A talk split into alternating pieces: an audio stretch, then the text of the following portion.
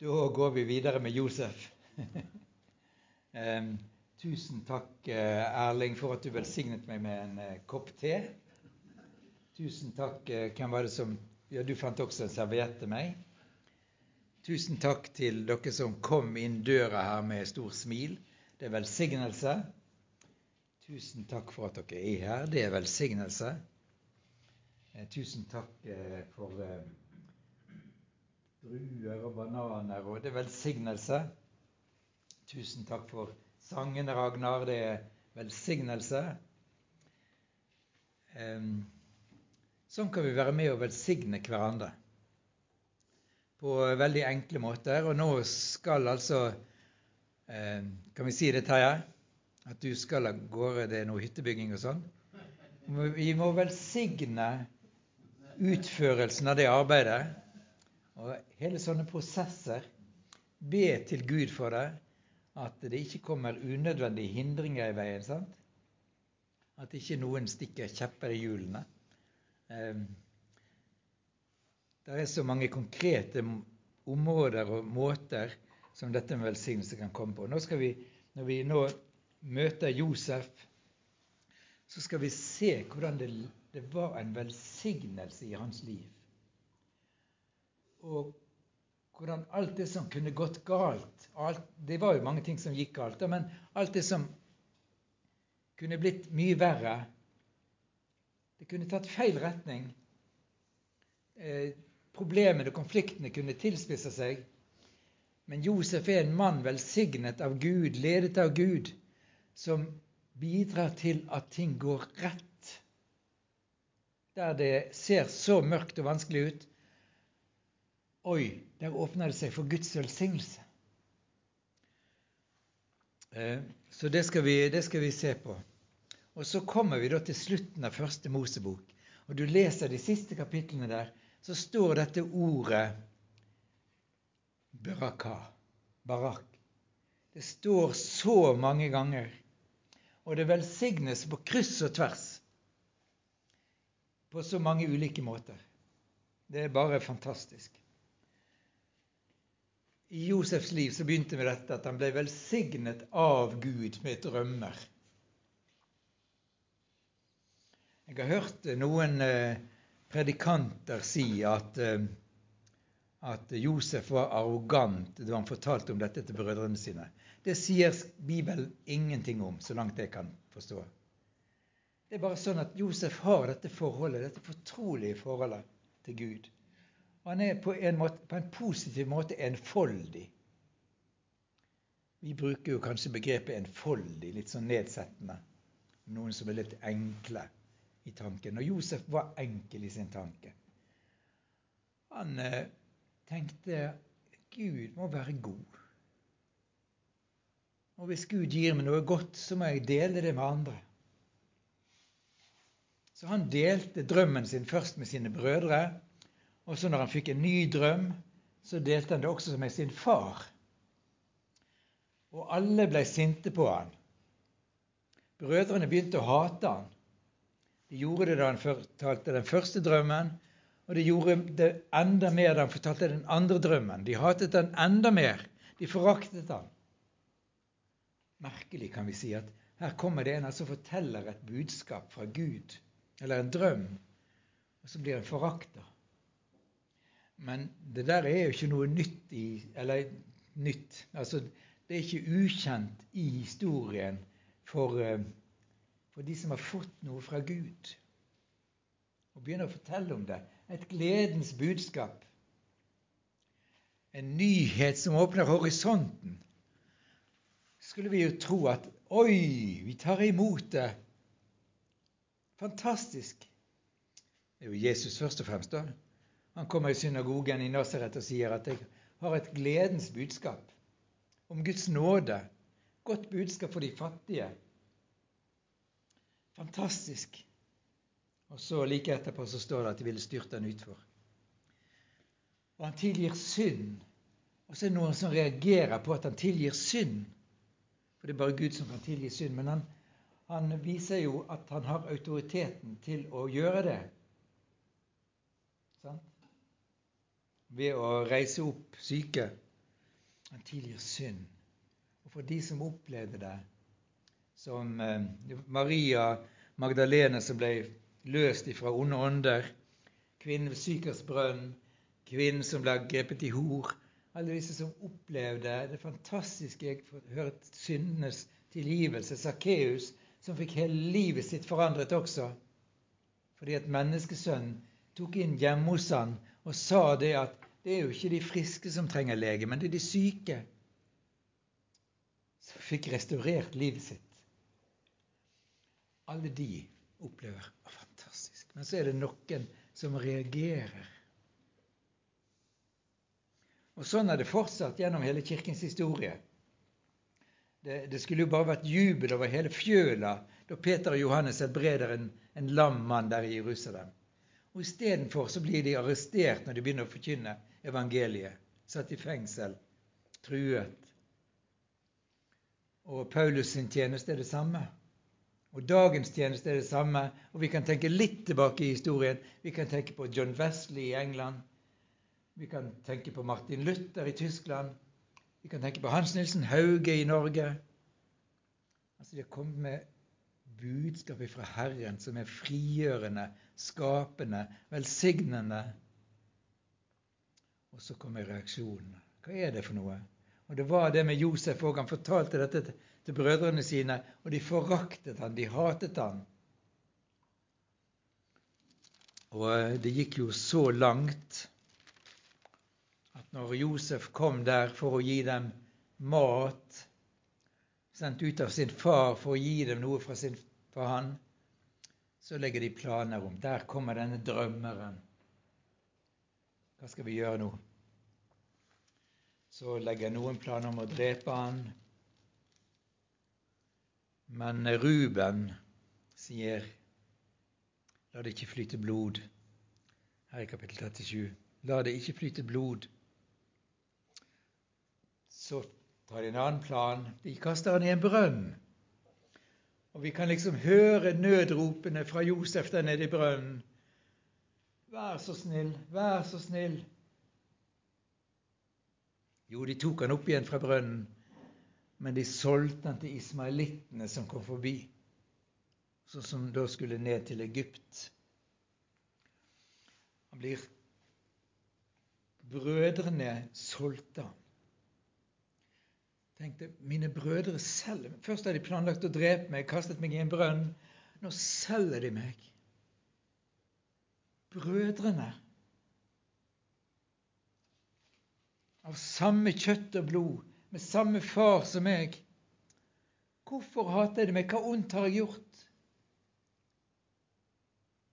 Ja, dere vet at jeg har, i mange mange år har arbeidet blant forfulgte kristne. Hva ondt har vi gjort? Til naboene våre. Jeg hadde til og med mine egne foreldre og besteforeldre og søsken som har angitt meg, og som ønsker meg drept. Det er folkegruppen min som ønsker meg drept. Det er folk i landsbyen som angriper huset mitt, brenner det ned. Hva vondt har jeg gjort? Mine brødre. Så nært og intenst er det. Og så selger de han. Og disse ismailittene som har kjøpt han, de tar han med på markedet. Noe så fornedrende. Og så selger de han videre.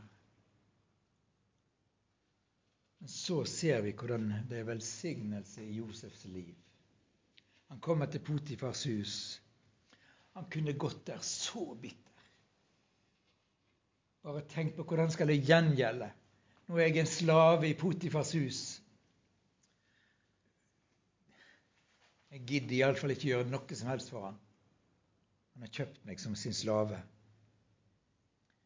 Men alt snur seg med Josef. Han blir til velsignelse i Potifars hus. Så Potifar setter han over alt i huset sitt. Og Josef kan jo så mye, men det er én ting Josef ikke kan. Jeg vet ikke om vi finner mange andre av den typen, den, med den karakteren, i Bibelen, men det er én ting Josef ikke kan, og det er å synde. Han kan ikke synde mot Gud. Han kan ikke synde mot Potifar. Han kan ikke gjøre synd med Potifars hustru, som vi av og til vitser med og sier at det er Potimor, hennes navn, men det er jo ikke det. Men eh, jeg kan ikke synde. Og tenk på dette her som han kanskje har hørt fra sin far. Han har hørt om Adam og Eva, det de gjorde. Han har hørt om konsekvensen av synd. Han har hørt Jakob fortelle om forholdet mellom seg og hans bror hvor mye smerte som lå der, hvor mye frykt det ble av det. For Jakob hadde syndet mot sin bror. Jeg vil ikke være med på noe sånt. Jeg kan ikke gjøre noe sånt. Jeg kan ikke synde. Og jeg tenker, Der er, der er noen begrep og noen tanker som vi har hatt i Kirken, og noe som er blitt forkynt mye i, i Kirken gjennom historien, men som er blitt borte i veldig mye forkynnelse i vår tid. Kanskje det på vei tilbake. Og det er ærefrykt for Gud. Det er frykten for å synde. Det denne frykten for å ta lettvint på Guds ord. Men Josef, det var én ting han ikke kunne, og det var å synde. Så han er der som en velsignelse. og Potifar setter han over alt i sitt hus. Og eh, så skjer altså dette med, med Potifars hustru. Og Jakob, nei, Josef han flykter når fristelsen blir for tett på han. Han var jo en mann, og han, eh, altså denne, denne her kvinnen hun prøvde seg igjen og igjen og igjen. Men han flykter fra det. Tenk om David hadde gjort det samme. At når fristelsen var der, så hadde han flyktet fra fristelsen. Men, jo, men David han løp rett inn i fristelsen. Og tenk på de konsekvensene som det hadde i Davids liv. Det hadde konsekvenser for han personlig. Det hadde konsekvenser for den sønnen som han skulle få med, med Batseba, som døde. Det hadde konsekvenser for så mange mennesker rundt ham. Det hadde konsekvensen at, at Batsebas mann ble drept. David ordna det sånn. Det hadde så mye konsekvenser, og det hadde konsekvenser i generasjonen som kom. For når det skjedde synder i, i, hos eh, Davids barn, hva autoritet hadde han med det han hadde gjort? Så David gikk inn i det med disse konsekvensene, men Josef han visste dette kan jeg ikke være med på. For jeg heller ta konsekvensen av å si nei til å synde. Og det, konsekvensen ble jo da at det ble løyet på han. Han ble kasta i fengsel. Og eh, det står noe i den beretningen der at, han, at fengselet sannsynligvis var nede i en sånn hull, dypt hull for få meg opp herfra, sier han. Men der møter han to, to andre fanger. Og han som da er bestyrer for fengselet, han har sett denne velsignelse som ligger i Josefs liv. Så han setter Josef til å få autoritet over de andre der. Josef er til velsignelse. Til velsignelse. Til velsignelse. Og så er de to andre fangene som da har hver sin drøm. De lurer på hva det betyr. Og så eh, får Josef tydningen. Josef er jo hele tiden tydelig, tydelig på at eh, også i møte med farao Det er ikke jeg som tyder. Det er Gud som tyder. Det er Gud som har gitt meg gaven til å tyde. All ære til Gud.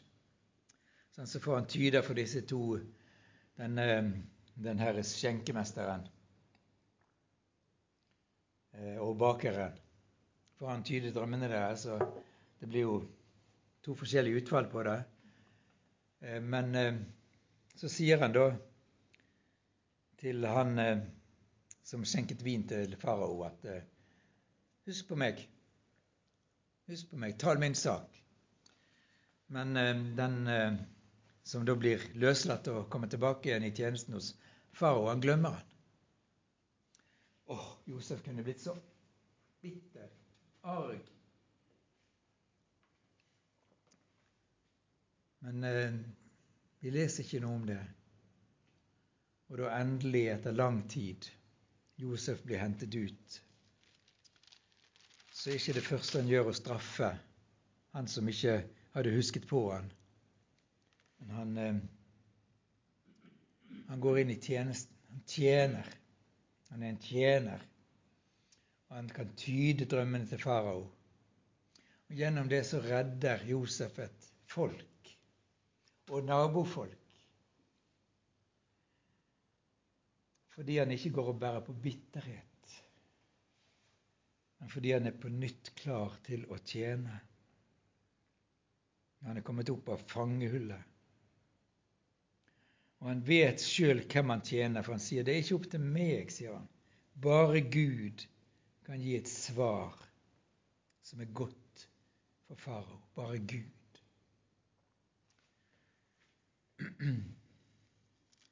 så tyder han disse drømmene og, og for farao. Gud har latt farao få vite hva han vil gjøre. Så handler farao etter det Josef har sagt. Hvem, hvor finner en en klok mann i hele Egypt som en nå kan sette til å bestyre dette? De, de finner ingen som Josef. Um, han lever under Guds nåde og velsignelse og blir til velsignelse. Og Så det begynner å, å skje ting da i forhold til disse brødrene som da har eh, som da har eh, gjort så vondt mot ham. I slutten av kapittel 41 så står det og all verden kom til Egypt for å kjøpe korn av, av Josef all verden Ja, ja, det er jo ikke sikkert de kom da fra Sør-Afrika og Kina. Men altså De kom fra store områder til Egypt, der Gud hadde fått bruke én mann som levde et sånt liv at Gud hadde fått velsigne han. Han kunne spre velsignelsen. All verden kom dit hen. Og Så kommer også Josefs brødre. Og det er jo bare altså, Det er ikke nødvendig med noe mer enn å gjenfortelle den historien. Det er så levende. For en, for en fortelling. For en fortelling vi har i Første Mosebok. Og det er ganske forunderlig at mange av de muslimer som er kommet til tro på Jesus, og som forteller sin historie til meg, de forteller at de begynt, har begynt å lese i Første Mosebok. Og det griper dem så sterkt. De kjenner en del av disse, disse fortellingene fra Koranen eller fra islamsk utleggelse av dem. Men de har aldri hørt dem sånn, fordi det er bare noen korte sitater og sånt, eller gjengivelser, og noe fordreid i forhold til Bibelen. Men her får de hele historiene. Litt er gjenkjennelig, og det aller meste er helt nytt. Og det som er helt nytt, det er jo nettopp det de får lese om. Guds trofasthet, Guds kjærlighet, Guds nåde, tilgivelse. Sånne begreper som for oss er veldig naturlige. Nåde, tilgivelse. De får lese hele historien om mennesker som blir deres forbilder. Og la meg si en ting, de ser jo at disse folkene her er helt annerledes enn Mohammed. Josef er så diametralt motsatt av Mohammed som det går an. Mohammeds gjengjeldelse mot dem som ikke lyder han, ikke sant? Mohammeds eh, befaling om å drepe og alt dette. Og så møter de Josef, som det blir begått så mye urett mot. og som, som tilgir,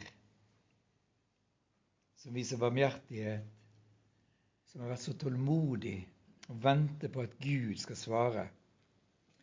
Og Brødrene kommer da til Josef, og han, han tester dem. Han gjør det. Josef kjente igjen brødrene sine, men de kjente ikke ham. Han husket drømmen han hadde hatt om dem, og sa, 'Dere er spioner.' Kapittel 42, vers 8. 9. Det er spioner, og så blir det en diskusjon. De sier vi er ærlige folk. Og så får han dem til å fortelle hele historien om det de har gjort, eller det som har skjedd, familien sin. Men de forteller ikke alt. De er ikke ærlige på det.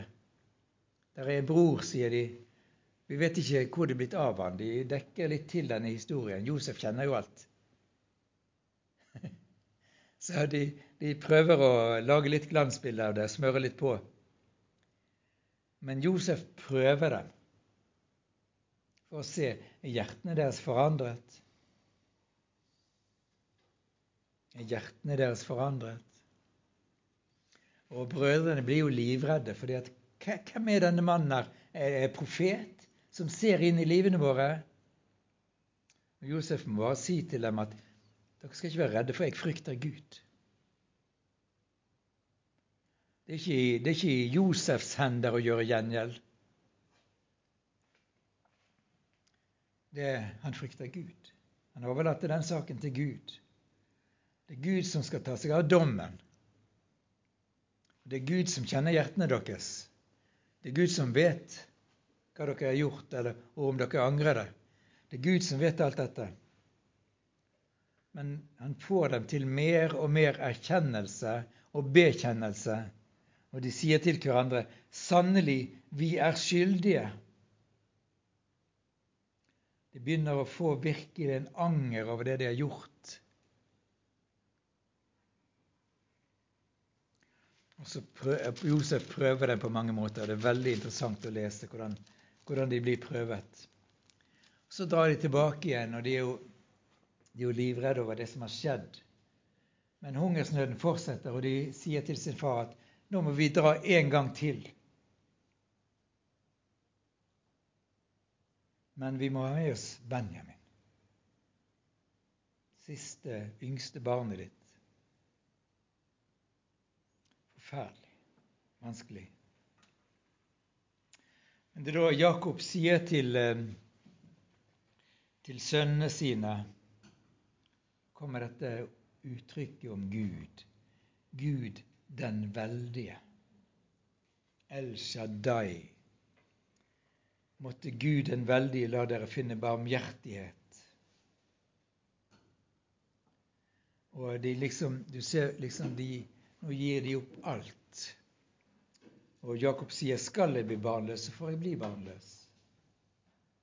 Josef er borte, mister Benjamin, han som sitter tilbake igjen der i Egypt. Fortvilelse. Men så kommer brødrene på nytt og møter Josef. Og, um,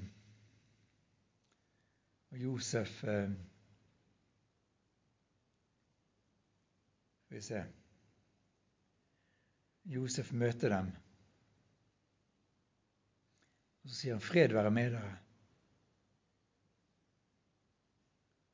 Shalom alarem. Fred være med dere.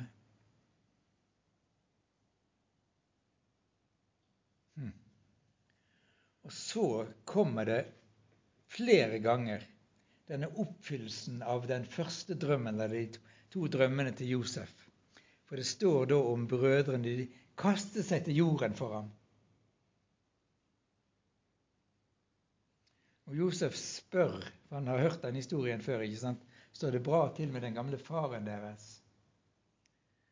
Da bøyde de og kastet seg ned for ham. Nå er vi i kapittel 43 på slutten. Og så når han får se Benjamin, sin bror, så sier han, Gud være med deg. Gud være deg nådig, min sønn. Gud være deg nådig, min sønn. Og i vers 30, kapittel 43, så står det at Josef skyndte seg bort, for kjærligheten til broren blusset opp i ham så han måtte gråte. kjærligheten til broren. Han var sterkere enn alt det han kunne ha hatt imot alle de andre. Så oppfyllelsen nå skjer, etter mange, mange år, så skjer oppfyllelsen av den drømmen han hadde tidlig, som han har fortalt sine brødre. Man behøver ikke si til dem at nå må dere la det skje opp, nå må dere gjøre det.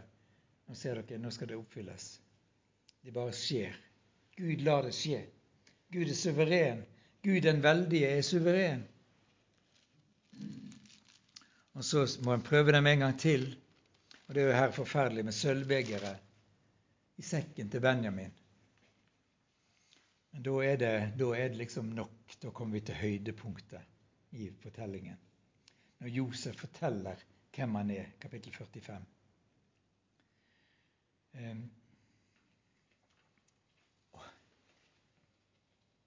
Det er nesten helt utrolig, det han sier der. For Han sier det var ikke dere som sendte meg helt til Egypt. Det var Gud. Det var Gud som ville det. Han sendte meg bare i forveien for dere, for at dere skulle få oppleve frelsen. For at dere skulle bli redda. Gud hadde en plan i dette. Josef kunne selvfølgelig ikke forstå planen der da det begynte. Men nå når han ser oppfyllelsen av det, Gud har hatt en plan med alt det vonde som skjedde i mitt liv. Eh, forleden dag så hadde vi tre dagers stabssamling i Åpne dører. Jeg fikk være med litt, men jeg, jeg, et, jeg har fått et vitnesbyrd om en mann fra Eritrea som vel var sånn rundt 20 år. Et ivrig vitne for Jesus. Han ble fengslet. Satt tolv år i fengsel, fangehull. Han var nygift, hadde fått barn. Da han ble sittende så lenge i fengselet, så ble konen tatt fra han, gitt til en annen mann. For eh, hennes foreldre var ikke frelst, var ikke kristne. Så slipper han ut, ut av fengselet, og så får han vite konen din er gift med en annen mann. Du får ikke se dem igjen. Og så har han lidd og blitt torturert. Han har sittet på en eh, fengselscelle på fem kvadrat Jeg tror det var nei, nei, det var kanskje litt mer, men noen, noen få kvadrat sammen med 47 andre. Dag og natt i mørket. Og så ser jeg ham på video. Gud hadde en plan med det. Nå har jeg en helt annen kraft i mitt vitnesbyrd om Jesus. Og så vinner han nye mennesker for Jesus. Så mange forfulgte kristne som kan vitne om det samme. Gud hadde en plan med det. Eh, Samuel Lamb i, i Kina flere andre som har sittet i tiår, flere tiår i fengsel, kommer ut og smiler og sier 'Gud er god'. Som blir ledere for husmenighet, tusentalls av husmenigheter. Um, vi kan nevne så mange av dem. Gud hadde en plan. Det er nesten helt utrolig å se det. Gud hadde en plan med det. Sier han til brødrene sine.: Vær nå ikke nedslått, og anklag ikke dere selv fordi dere solgte meg. Det var for å berge livet at Gud sendte meg foran dere. Gud sendte meg i forveien for å la dere bli en rest på, la dere bli en rest på jorden, slik at dere skal leve og mange blir berget. Så var det ikke dere som sendte meg hit, men Gud. Ja, Men da kunne han jo vært bitter på Gud. Nei, ikke det. Og det er jo en annen greie. At Gud er så god. Gjennom smerte og lidelse, forfølgelse, så åpenbarer Gud seg på en helt annen måte. Jeg tror ikke jeg hadde vært så mange år i åpne dører og blitt så opptatt og grepet av det hvis det bare hadde vært lidelse og smerte og alt det der. Men det er vitnesbyrdene. Og ikke minst det vitnesbyrdene, eller det disse opplevelsene fører til. At forfølgelsen fører til vekkelse. Forfølgelsen fører til velsignelse. Andre får se det i deres liv, de som blir forfulgt. Det må være noe helt spesielt. Hvordan kan vi få del i det? Dere kjenner den sangen 'I have decided to follow Jesus'. Denne indiske pastoren som opplevde først at barna ble drept fordi han ikke ville fornekte Jesus. I have decided to follow Jesus. Og så blitt konen drept fordi han ikke ville fornekte Jesus. Og til slutt så synger han I have decided to follow Jesus. The world behind me, the cross before me. Og så blir han drept. Men alt dette skjer på markedsplassen, foran øynene på tusener.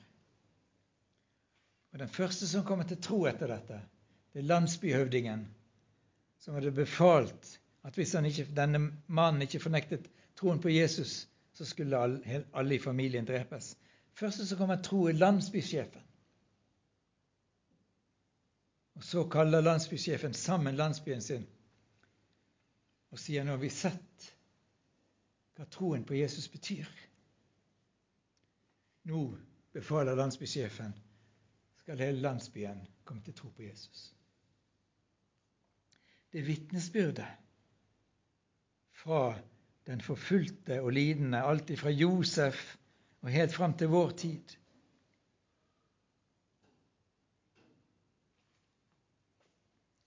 Og Så velsigner eh, Josef sin bror Benjamin. Han kastes om halsen på ham.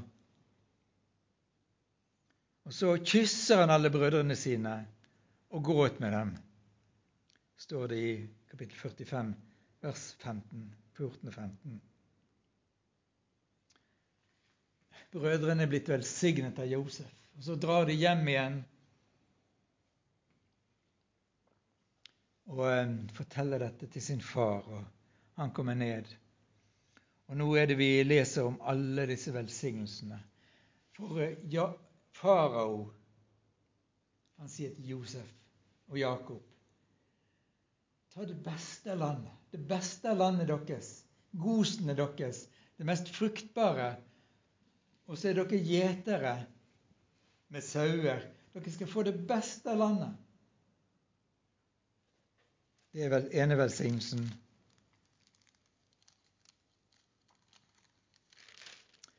Og så fortsetter med så mye velsignelser. Jeg har prøvd å se hvor mange ganger eller prøvd å streke under dette med velsignelse.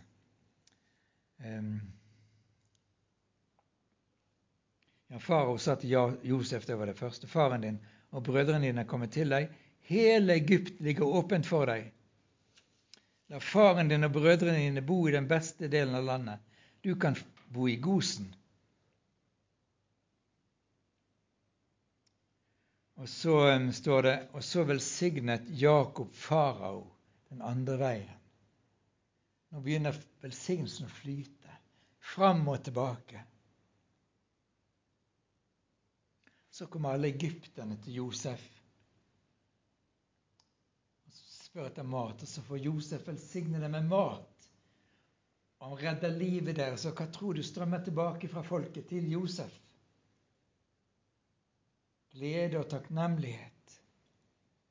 Takk at du er her. Du har reddet livet vårt, svarer de. Kapittel 47, vers 25. Du har reddet livet vårt.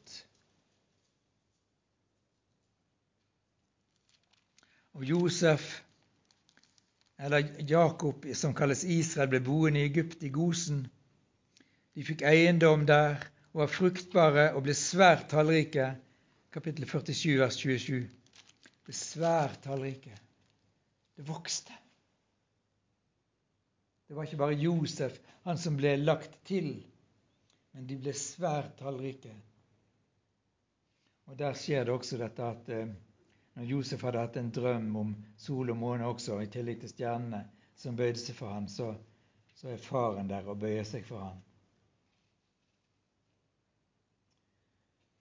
Og Jakob forteller om Gud, den veldige El Shaddai, som hadde vist seg for han i Kanan og velsignet han, kapittel 48. Og, og Jakob velsigner sønnene til Josef. Og så kommer hele kapittel 49, der Jakob velsigner hver eneste en av sønnene sine. Ja, hva ligger det i det begrepet 'velsigne'? Vil du si det nå, Stein Allan? Vil du ikke det? Nei? Nei vel. er det noen andre som har lyst til å dele det? Hva, hva ligger det i 'velsigne'? Noen, ja, kom Svanhaug. Vil du ta det her? Eller? Nei. Guds velbehag. Ja. Guds velbehag. Du har jo samme forstavelsen. Velbehag. velsigne. Ja. Og vel betyr noe. Du kan godt ta det nå. Så bra. Ja, det er Stein Erland. Eh, stemmen min er litt uh, kruggen i dag, men jeg skal prøve. Eh, I tillegg til Timoteus' bibelundervisning, som jeg lytter til, så lytter jeg til tre andre podkaster også som er bibelundervisning. Og En av de for en måneds tid siden som jeg lyttet på, der forklarte teologen litt omkring dette med Guds velsignelse, hva det egentlig er snakk om. Og eh, når spørsmålet dukker opp, så, så, henger det jo sammen med at Bibelen er ikke noe leksikon. Vi kan ikke slå opp i Bibelen og finne definisjonen på velsignelse. Måten vi må finne ut av hva, ligger, hva som ligger i ordet velsignelse, det er å se hva innebærer dette i forhold til den historien som fortelles, i forhold til den konteksten og sammenhengen som, som eh, dette begrepet opptrer i. Og Han trakk jo fram veldig mange av de sammenhengene, og de klarer ikke jeg å rekonstruere her og nå. Men jeg skal forsøke å gjengi hva skal jeg si, essensen, det han trakk ut av det. Og det var at Guds velsignelse, det er at mennesker som eh, velger å gå Guds veier, der understøtter Gud livsprosessene, det gode i livet, det byggende, det konstruktive, det som bidrar til orden og trivsel. Og vi har jo Det er jo et motstykke til velsignelse, og det er forbannelse. Og det er de prosessene som understøtter det som fører til død. Det nedbrytende, de prosessene som innebærer at kaoskreftene dominerer. Og for å gjenta velsignelses innhold i Guds velsignelse, så er det det som understøtter livsprosessene, det gode i livet. Det byggende, det konstruktive, det som bidrar til orden og trivsel. Veldig, veldig fint. Mm. Da eh, tenker jeg Nå skal jeg slå av eh, opptaket. Men da har jeg veldig lyst til at vi skulle eh, på en eller annen måte velsigne hverandre. Og vi står i forskjellige livssituasjoner. Vi trenger velsignelse, vi trenger Guds kraft, Guds kjærlighet. Vi trenger Åndens frukt, kjærlighet, glede, fred mildhet, trofasthet, langmodighet og alt dette, eller alt det som står i første Korinterbrev om, om kjærlighetens vesen, vi trenger det inn i våre liv, så vi kan være til velsignelse for andre. I familien vår, andre relasjoner. Vi er en menighet, og i menigheter kan det lett oppstå også gnisninger, misnøye, kan vi være som Josef, at vi velsigner, så vi blir velsignet tilbake. Erfaringen vår er jo det at når vi, når vi ber for mennesker, så forandres våre hjerter. Ikke sikkert at de andre forvandles sånn umiddelbart, men våre hjerter forandres. Våre holdninger og tanker. Vi eh, bor i et land, og jeg tenkte da jeg gikk nedover her i dag Nå kjører Bybanen med regnbueflagget. Vi må velsigne nasjonen vår. Og vi må be for Kirken og for menighetene våre, for oss som kristne, at vi får respondere på en god måte, på en sann måte, tydelig måte, og samtidig be om at vi får lov til å formidle det vi står for, på en sånn måte at ikke folk tenker at de er imot oss, og de diskriminerer og alt sånt, men at det er av kjærlighet at Gud er sånn. Gud er kjærlighet. Han vil ikke folk noe vondt. Det er det han som vil. Jesus kom for å gi liv i overflod. Det er fienden som vil ødelegge. Velsigne, velsigne dem som er kommet til landet vårt utenifra. Velsigne alle, alle fremstøt for fred i verden, for alle som gjør godt. Så um, det er, er, så mange måter å velsigne på med ord og i gjerning. Velsigne Den nordisk-katolske kirke, som altså har noen Hvor mange teller dere i Bergen? Ja. Velsigne dem også så ikke kan nå ut til nye mennesker med evangeliet. Velsigne Nestum Bedu, som ligger veldig nært. Godt Håp, som ligger der. Birkeland kirke, som ligger der. Skjold Skjold kirke som ligger der. Og vel, be om velsignelse med sannhetens budskap. Så um, da slår jeg av, og så kan vi begynne å velsigne.